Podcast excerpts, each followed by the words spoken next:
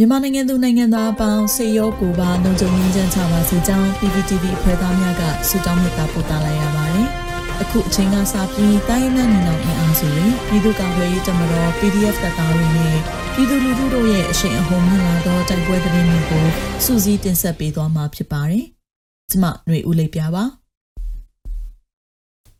ပထမဆုံးအနေနဲ့ကော်တူးလီအုပ်ချုပ်နယ်မြေတွင်မတ်လတလအတွင်းစစ်ကောင်စီပူးပေါင်းတပ်ဖွဲ့နှင့် KNL ပူးပေါင်းတပ်ဖွဲ့ကြားတိုက်ပွဲပေါင်း930ဖြစ်ပွားခဲ့ပြီးစစ်ကောင်စီတပ်ဖက်မှ429ဦးသေဆုံးက KNL ဖက်မှ22ဦးကြာဆုံးတဲ့သတင်းတင်ဆက်မှာပါ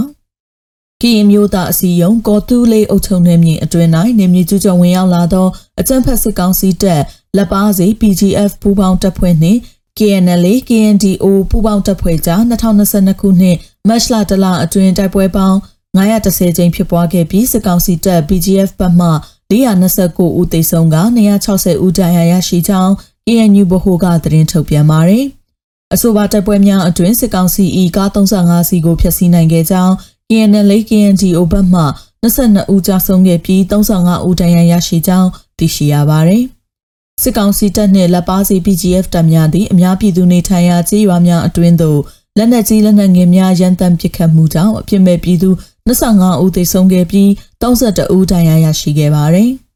စစ်ကောင်စီသည်တမဟာ3ညောင်လေးပင်ခရိုင်တမဟာ9ဖပူမှုတော်ခရိုင်တမဟာ6ဒူပလာယာခရိုင်များသို့လေရင်ဖြင့်ရှစ်ကြိမ်ထောင်လန်းခဲ့ပြီး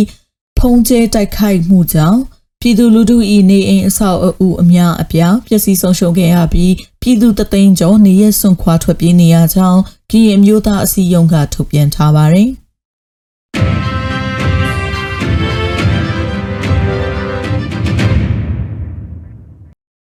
ဆက်လက်ပြီးမြကြီးနားရဲ့စခန်းတွင်ဘုံပစ်လောင်ချဖြင့်အထူးခံရပြီးတိုက်ပွဲဖြစ်တဲ့သတင်းတင်ဆက်ပါမယ်။ကချင်ပြည်နယ်မြကြီးနားမြို့နယ်အမှတ်2ရဲစခန်းကိုယမန်နေ့ညပိုင်းတွင်ဘုံပစ်လောက်ချဖြစ်အထူးခံရပြီးအပြန်အလှန်ပစ်ခတ်မှုဖြစ်ပြီးတိုက်ပွဲဖြစ်ပွားကြောင်း မြကြီးနားမြို့အခြေဆိုင်ဒေသတော်လှန်ရေးအဖွဲ့ထံမှသိရှိရတာပါ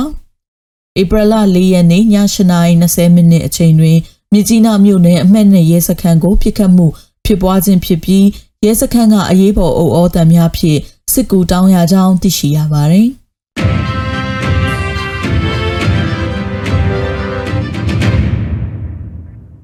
ရင်းမာပင်ဗန်ပွေးရွာရှိ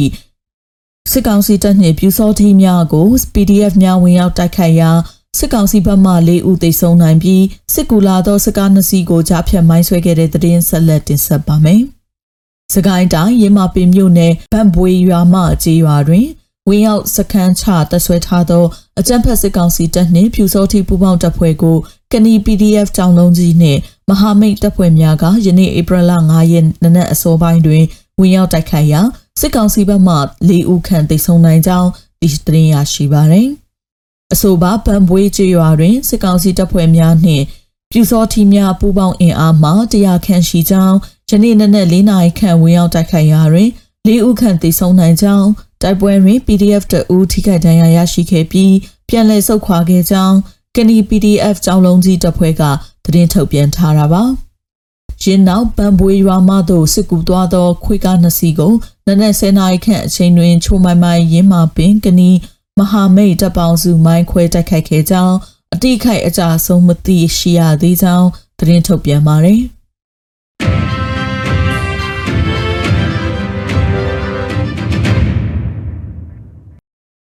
နောက်ဆုံးအနေနဲ့မြို့သားညီညွတ်ရေးအစိုးရပြည်ထရေးနဲ့လူဝင်မှုကြီးကြပ်ရေးဝန်ကြီးဌာနက2022ခုဧပြီလ9ရက်ရက်စွဲနဲ့ထုတ်ပြန်တဲ့ပြည်သူ့ခုခံတော်လှန်စစ်တရင်ချက်လက်တွေကိုတင်ဆက်ပေးသွားမှာပါ။အာနာသိန်းအကြံဖက်စစ်အုပ်စု၏ပြည်သူလူထုအပေါ်အကြံဖက်ဖိနှိပ်ဖန်ဆီးတက်ခိုက်တပ်ဖြတ်နေမှုများကိုပြည်သူလူထုတရက်လုံးကအသက်ရှင်တန်ရေးအတွက်မိမိကိုယ်ကိုမိမိခုခံကာကွယ်ပိုင်ခွင့်အရာပြည်သူ့ခန့်စစ် People Defensive War ကိုဆင်နွှဲလျက်ရှိပါတယ်။ သတင်းချက်လက်များအရ၄ရက်၄လ2022ရက်နေ့တွင်စစ်ကောင်စီတပ်ဖွဲ့ဝင်53ဦးသေဆုံးပြီးထိခိုက်ဒဏ်ရာရရှိသူ26ဦးအထိခုခံတိုက်ခိုက်နိုင်ခဲ့ပါတယ်။စစ်အာဏာရှင်စနစ်မြန်မာမြေပေါ်မှအပြည့်တိုင်ချုပ်ငြိမ်းရေးနဲ့ Federal Democracy တည်ဆောက်ရေးအတွက်ငြိမ်းချမ်းစွာဆန္ဒပြသည့်လူထုတပိတ်တိုက်ပွဲများကပြည်내နဲ့တိုင်းဒေသကြီးများမှာဖြစ်ပွားပေါ်ပေါက်လျက်ရှိပါတယ်။မြေပြင်မှာယခုတွေ့ရတဲ့သတင်းချက်လက်များထက်ပို၍ဖြစ်ပွားနိုင်ပါတယ်ရှင်။